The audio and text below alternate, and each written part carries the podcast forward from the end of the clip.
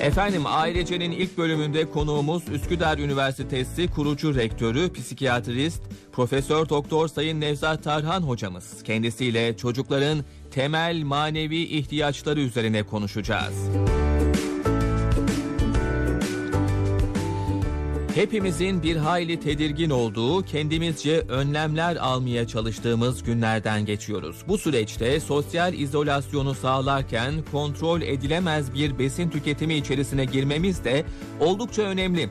Bugün izolasyon sürecinde almamız gereken önlemleri ve besleyici kış tariflerini Sayın Damla Aktan bizlerle paylaşacak efendim. Eğer hazırsanız bizler hazırız. Ailece başladı bile.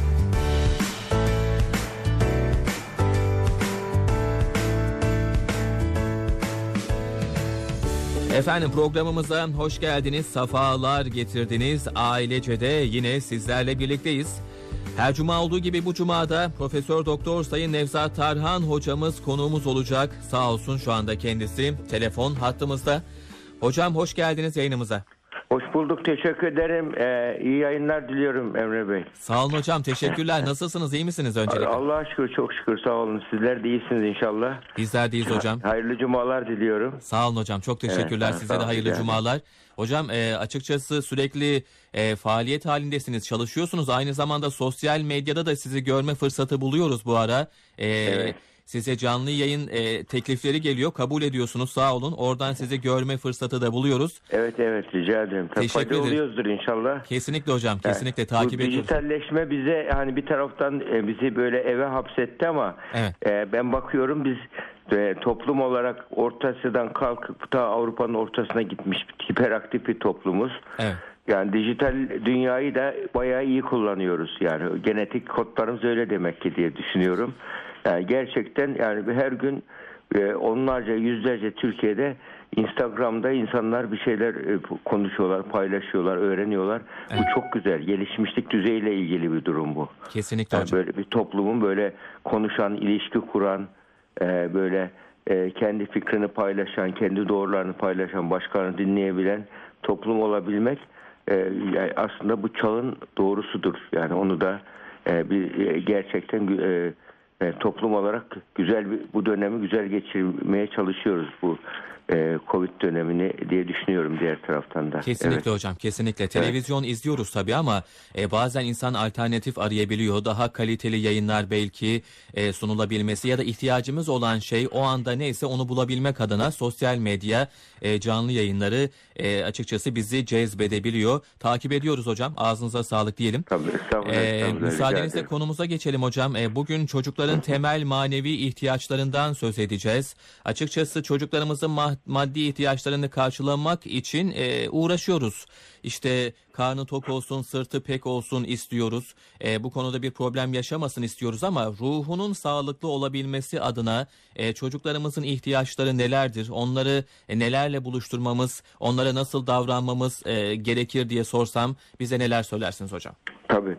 Şimdi çocuğun e, son yıllarda çocuk üzerine yapılan çocuk e, nörobilimi, sinir bilimi, çocuğun e, e, davranış gelişimi, bunlarla ilgili üzerine yapılan çalışmalarda 0-6 yaş arasında hatta 0-3 yaş, yaş arasında çok e, ilginç bir şekilde e, odaklanma oldu.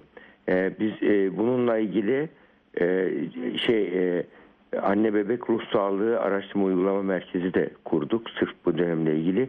Çünkü çocuğun ulusal politika oluşturmak gerekiyor bununla ilgili. Yani ulusal politika hani çocuğun işte e, beden büyümesi, aşısı, beden sağlığı ile ilgili çok güzel pol- ulusal politikamız var. Fakat çocuğun ruh sağlığı ile ilgili böyle e, bir çocuk doğar doğmaz sağlıklı gelişimiyle ilgili bu politika yeterli miktarda değil. Çünkü onu e, yani bu çalışmalar yapılmış yani boş durulmamış ama uygulamaya geçememiş. E, bu bunun için bütün dünya için geçerli bu.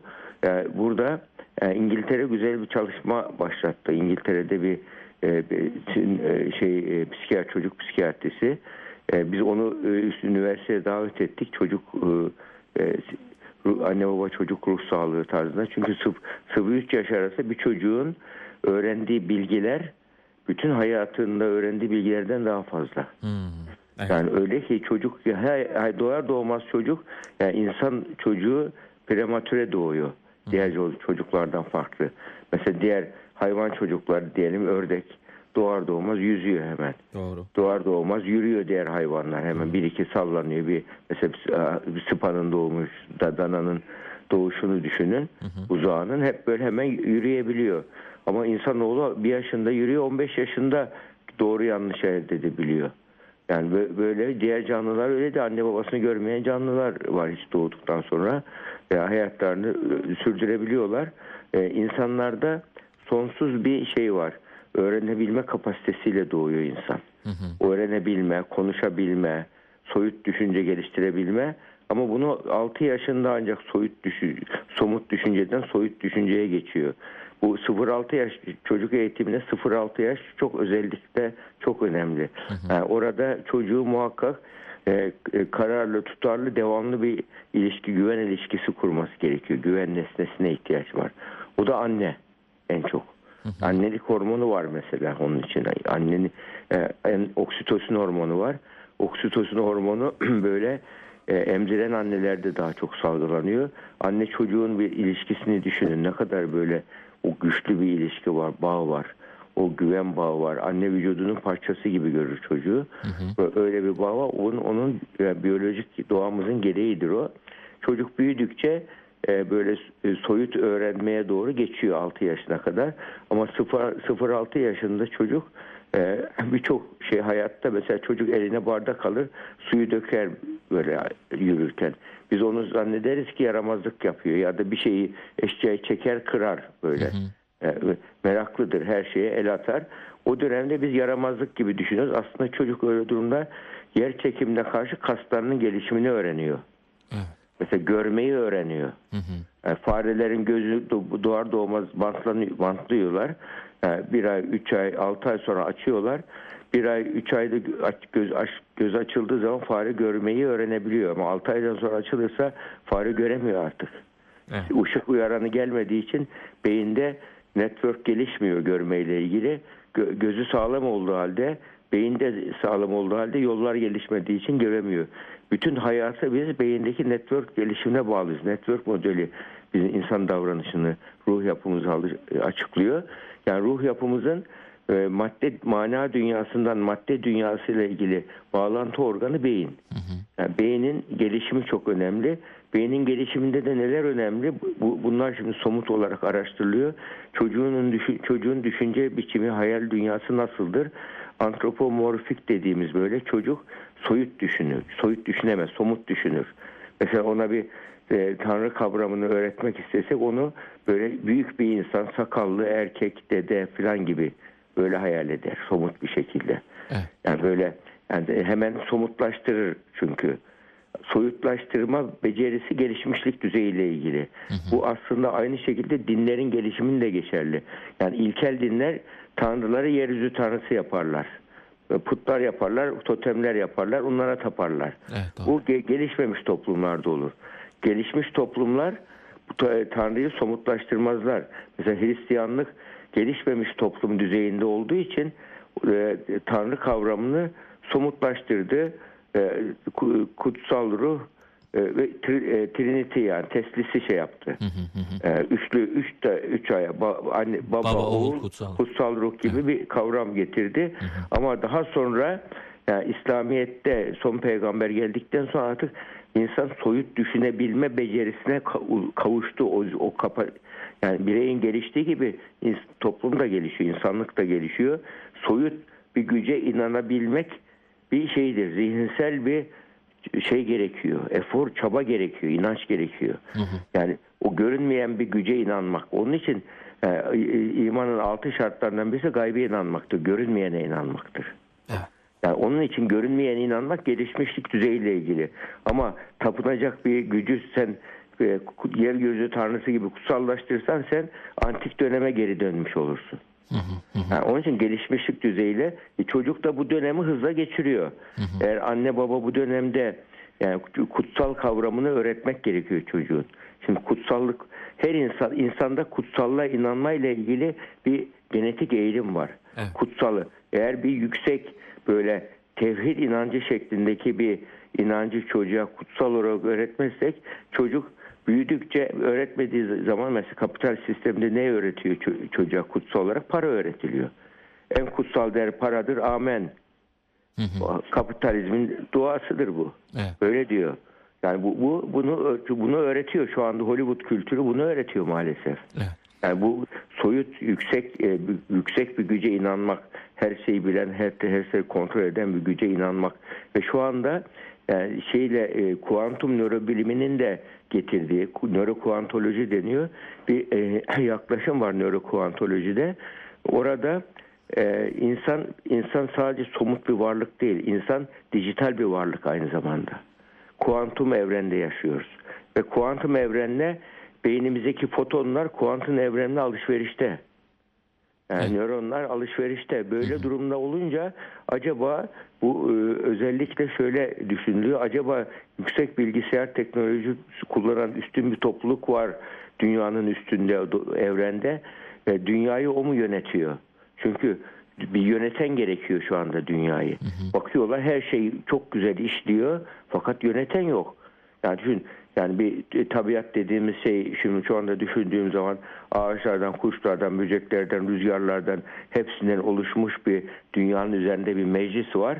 O meclis dünyadaki rüzgarın nasıl olacağına, ağaçların ne zaman nasıl, dünyanın nasıl döneceğine karar veriyor gibi böyle bir meclis yok. O halde bizim göremediğimiz ama onun bizi gördüğü bir güç olmalı diyor. Peki hocam. Bunu yüksek bilgisayar teknolojisi şimdi böyle bir hani konuyu fazla dağıtmak istemiyorum ama bu bu e, inan inanç duygusunu çocuğa doğru öğretmek gerekiyor. Şimdi hocam şunu Çocuk- soracağım ben de. Sözünüzü Evet. balla kesiyorum. 0-6 yaşta soyu, somut işlemler döneminde daha soyut düşünemediğinden söz ediyoruz. Ama bir kutsalı anlatırken çocuğa nasıl yaklaşmamız lazımı Tabii. rica ediyorum. Tabii tabii ona e, e, gelmek istiyordum. Evet. Şimdi orada çocukta böyle bir e, soyut düşünce becerisi e, 6-7 yaşlarında e, ge- görüşüyor. E, görüyor. Burada tabii mesela bir o şeydeki sure var ya e, İhlas suresi. Evet. Kul vallahu ehad diye. Evet. O aslında bunu müthiş şekilde gösteriyor. Burada. Hmm, doğru, yani, doğru. Yani, al- ya bu tevhid kavramının Doğru. şeyidir, özüdür o cümle. Yani o e, e, her şey o hiçbir şeye muhtaç değil ama her şey ona muhtaç. Doğmadı doğurmadı aynı zamanda. Doğmadı, doğurmadı. Evet. O hiçbir şeye muhtaçtır. Her şey o muhtaç ve ehaddir, samettir diyor. Yani tektir, birdir, Evet, evet. yalnızdır ve öyle bir güçtür bu Evet. güç. Yani her şeyi şah damarımızdan bize daha yakındır. Böyle güç. Biz onu görmüyoruz. O bizi ama görüyor. Böyle bir yüksek bir güç var. Bu çocuğa eğer böyle kutsal kavramını bu şekilde öğretirsek çocuğa görünmeyen ama bize bizi gören, yaptığımız yanlışları, iyi ve güzel şeyleri hep gören ve bunların yazıldığı, yani yaptığımız iyiliklerin kaydedildiği, kötülüklerin kaydedildiği bir güç var ve insanda onda e, manevi hesap verme duygusu da gelişiyor. Yani çocuğa manevi eğitim demek aslında vicdan eğitimi demektir Doğru. Vicdan eğitimi demektir. Şimdi vicdan eğitimi nedir? İnsanın e, kanunlara karşı bir sorumluluğumuz var değil mi? Yani hukuk buna hukuk deniyor. Hukuk, hukukun belirlediği, yasaların belirlediği kanunlara karşı bir sorumluluğumuz var. İki, insanın yaşadığı topluma ve kültürel yapıya karşı da bir sorumluluğumuz var. Mesela pijamayla sokağa çıkamayız. Yani bir, bir insanın özeline, kutsalına alay edemeyiz. Her insanın onuru vardır. Bunlar sosyal normlardır. Sosyal normlar da sosyal yapı tarafından e, belirlenmiştir. Ona karşı da bir sorumluluğumuz var. Bir de vicdani normlarımız var ki buna ahlak deniyor. Evet. Yani bu, bu da çocuğun manevi eğitimde çok önemli. Sağlam inanç öğretmek lazım çocuğa. Sağlam inanç öğretmeyip belirsiz bir tanrı kavramı öğretirsek çocuk o tanrı kavramını bu sefer şefkatsiz bir tanrı gibi görüyor. Yahut da elinde sopa olan cezalandıran bir tanrı gibi görüyor. Mesela bazı anneler şöyle yapıyorlar. Çocuğunu yani te, Tanrı kavramını öğretiyorlar. Ondan sonra Allah yakar ha diyorlar. Allah cezalandırır diyorlar. Ergenliğe geldikten sonra çocuk bakıyor yani Allah'a inancını bir yük gibi görüyor ve e, çevrede şu anda tabii toplum sosyal normlar korumuyor. Rahatlıkla yani dini değerlere karşı bir çocuk olabiliyor. Evet. Yani Allah'a bir cezalandırıcı bir varlık değil, rahmeti e, e, gazabından daha üstün bir varlık önce e, büyük olan bir varlık olduğunu unutmayarak öğretmek gerekiyor. Şefkatle öğretmek gerekiyor. Zaten pedagojik yöntemler de öyle. Yani çocuğu cezadan çok ödülle ve ödülden mahrum ederek ceza verir, verme tarzında öğretiliyor. Hele bu zamanda yani eğlenceli ve disiplinli ortamda öğrenmek, deneyimleyerek öğrenmek öğrenme metodu. Ya bu dini değerler de böyle öğretilmeli çocuğa. Onun için çocuğa öncesi ama dini değerleri öğretirken önce Tanrı tasavvurunu öğretmemiz lazım çocuğa. Tanrı tasavvurunu doğru öğretmezsek çocuk bu onunla ilgili korkar, cezalandırır. Çok fazla yüceltirseniz cennet diye çocuk ben cennete gideceğim diye e, ölmek isteyebilir. Mesela yani onu yanlış eğitimlerden bu da oluyor yani çok fazla e, cenneti e, şey, fazla idealize eden şey, şeylerde. Yani bunun için yani burada insanın varoluşunun sebebi nedir sorusunu o yaşta neden var? Beni kim doğurdu? Be- be- kim yarattı beni diye sorar çocuk mesela. Böyle durumda çocuğu anne yarattı zanneder. İşte İ- İlk soruları o zaman Tanrı Allah yaratmadı. Ya Ben yaratmadım oğlum Allah yarattı diyor anne ve oradan Allah kavramını öğrenmeye başlar. Yani çocuk soru soran varlıktır. Sorar, sorsun. Hiç korkmayalım. Bilmiyorsak ben bunu bilmiyorum filanca kişi araştırayım sana dönerim deyip dönsün anne baba çocuğa. Çünkü soran soran çocuk e, şeydir iyi bir çocuktur. Yani e, e, böyle sağlam e, inancı olabilecek, yani inandığı şeyleri iyi yapabilecek çocuk ortaya çıkar. Bir de manevi eğitimle biz hep manevi eğitim dediğimiz zaman şekilsel bir manevi eğitim anlıyoruz. Evet. Çocuğun çocuğun birinci özelliği bu e, 0-6 yaş ben merkezcidir çocuk. Dünya kendi etrafında döndüğünü zanneder. Çocuğun özelliği. Onun için bu çocuğun e, özelliği nedir? Somut düşünce özelliği vardır. E, ve e, bu çocukta şeydir. Yani e, kolaylıkla inanan e, in- e, o 0-6 yaş arasında özellikle aslında 10 yaşından önce çocuk müthiş her şeye inanmaya açıktır sorgulamadan. Evet. Özellikle güven verici bir ortamda büyüyorsa güvendiği kişilerin olduğu gibi taklit eder sorgulamadan.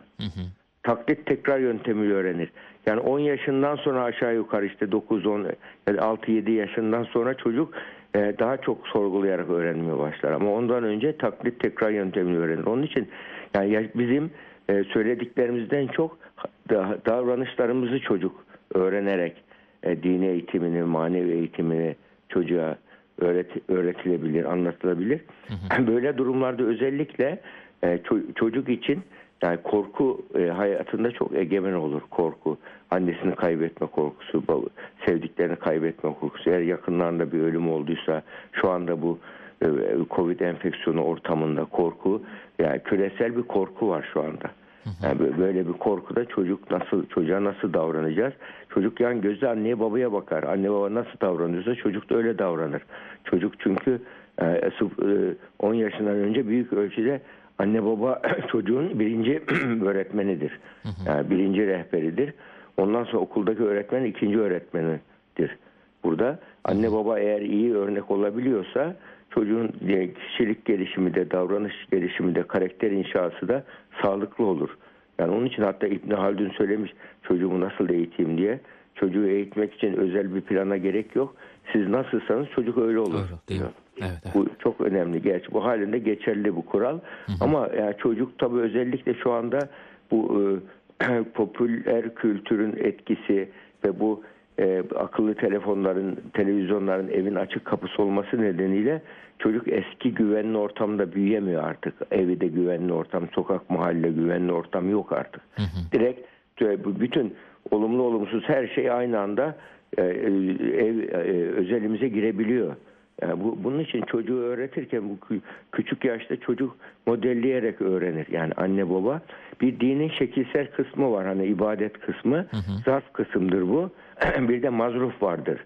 Zarfın içi vardır. Yani bir diyelim portakalın kabuğu vardır. e, Bir de içi vardır.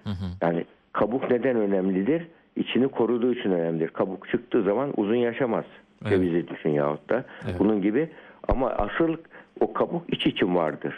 Şu anda e, e, böyle şey e, dini pratikler, ibadet, ritüeller aslında şeydir. Yani bir e, dini e, inançlarımız için korumamız için şekilsel olarak faydalı ve gerekli. Ama asıl amaç özdür. Ahlak o da öz ahlaktır işte. Manevi eğitim dediğimiz en önemli kısım vicdan eğitimidir. Ahlaktır. Yani şu anda böyle e, görünmeyen bir güce inanmayan insanlarda hesap verme duygusu gelişemiyor. Onun için seküler sistemler e, hiçbir zaman bir e, ahlak anlayışını oturtamadılar. Herkesin kendi ahlakı vardır diyorlar. Ve o küresel ortak bir ahlak konusunda anlaşamıyorlar çünkü yani hesap verme duygusunu e, şey yapamıyorlar. İnsanın kanunlara karşı hesap veriyor. E, geleneklere karşı, örf adetlere karşı hesap veriyorsun. Ama mesela eski Isparta'da varmış böyle e, antik dönemde. Yakalanmadıkça hırsızlık serbestmiş mesela. Yani şimdi böyle durumlarda niye? E, vicdani normlar yok, zihinsel jüri yok kişide, kalbinde yasakçı yok, vicdani bekçi yok. Yani için çünkü insanın içerisinde iyicil ve duygular olduğu gibi kötücül duygular da var. Hı İyicil ve kötücül duygulara, iyicil duygulara devam et, kötücül duygular yapma diyebilecek bir e, eğitim demektir ahlak aslında. Evet, evet. Bu da beynin ön bölgesini eğitmek için bunun küçük yaşta öğretiliyor bu. Evet. Ya ayıp, yalan, günah gibi söylemler hep küçük yaşta öğretiliyor çocuğa. Bunu öğrenmeyen bir çocuk ne olur? Yüzü kızarmayan, e, saygısız, sorumsuz bir çocuk yetiştirdiğimiz an o çocuk ergenliğe geldiği zaman ve ben merkezi çocuk yetiştirdiğimiz zaman mesela yani buradaki manevi eğitimden en önemli biri sosyal bir çocuk yetiştirmek. Yani kendisi olsun ama aynı zamanda sosyal bir yapının parçası olsun. Bunu e, bunu çocuğa öğretmek gerekiyor. Yani burada se- senin e, vatanına karşı sorumluluğun var, ailene karşı sorumluluğun var, yaratana karşı sorumluluğun var. Bu, dünyada hani Hazreti Mevlana'nın dediği gibi dünyada yaşamıyoruz, dünyadan geçiyoruz. Evet. Yani böyle düşündüğü zaman çocuk kafasında soru ölüme karşı çözüm geliştirebilir, ölümü açıklama getirebilir çocuk. Yoksa ölümü açıklama getiremez. Bir çocuğun dünyasında öldükten öldükten sonra yok oluyorsun, her şey bitiyor dediğin an o çocuk o zaman niye yaşayayım ki ben der ufak bir gerilimde. Ve bu dünyada intiharın artması mesela e, ahiret inancı olmayan toplumlarda yani e, eğitim çok güçlü olduğu halde ahlak eğitimi e, intihar çok mesela. Japonya, Kore, dünyada en çok intihar Japonya, Kore'de birinci Avrupa'dan da yüksek. Evet. Sebebi ölümden sonraki hayatla ilgili şeyleri yok, öğretileri yok. Yani onun, onun için intihar, in- yani şu anda küresel önümüzdeki yıllarda küresel salgın intihar o geliyor. Yani intihar geliyor ve yalnızlık ve intihar şu anda küresel olarak. Evet. Onun için biz burada şey e, üzerinde durmamız gereken önemli şeylerin biri yaşam felsefesini doğru öğretmek çocuğa. Yani biz bakıyoruz akademik başarı odaklıyız yani çocuğumuzu yetiştirirken. Çalışkan olsun, zeki olsun çocuğum. Bakıyorsun annelerin yüksek idealleri bu. Evet, Ego idealleri bu. Evet. Halbuki e, tamam güzel çalışkan olsun, zeki olsun ama aynı zamanda iyi insan mı olsun, kötü insan mı olsun? Evet, evet. İyi insan olmayı da öğretmek gerekiyor. İşte bu en güzel manevi eğitimdir. Sözünde duran, yalan söylemeyen, e, başkasının hakkına saygı duyan ama kendi hakkını da savunabilen böyle yani bunları e, çocuk çocuk e, konferansta öğrenmiyor bunları. Evet. Yani inançlar ve kültür yaşantılarla öğreniyor. Evet. Öğreniliyor. Evet. Hikayelerle öğreniliyor. Evet. Yani o da birlikte yaşam, yaşam örnekleriyle öğreniyor. Hayat senaryolarıyla öğreniliyor.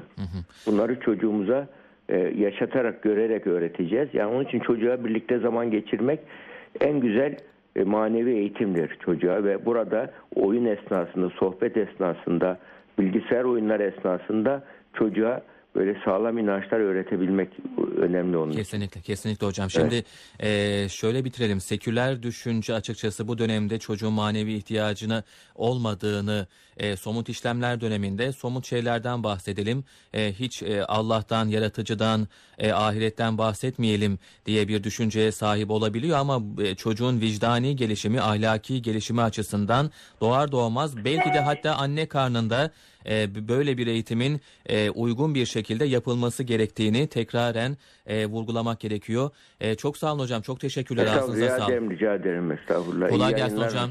Çok teşekkürler. Hayırlı cumalar Rica tekrar. ederim, Çok sağ olun. Efendim, e, Profesör Doktor Sayın Nevzat Tarhan hocamızı dinledik. Çocukların temel manevi ihtiyaçlarından söz etti kendisi. Şimdi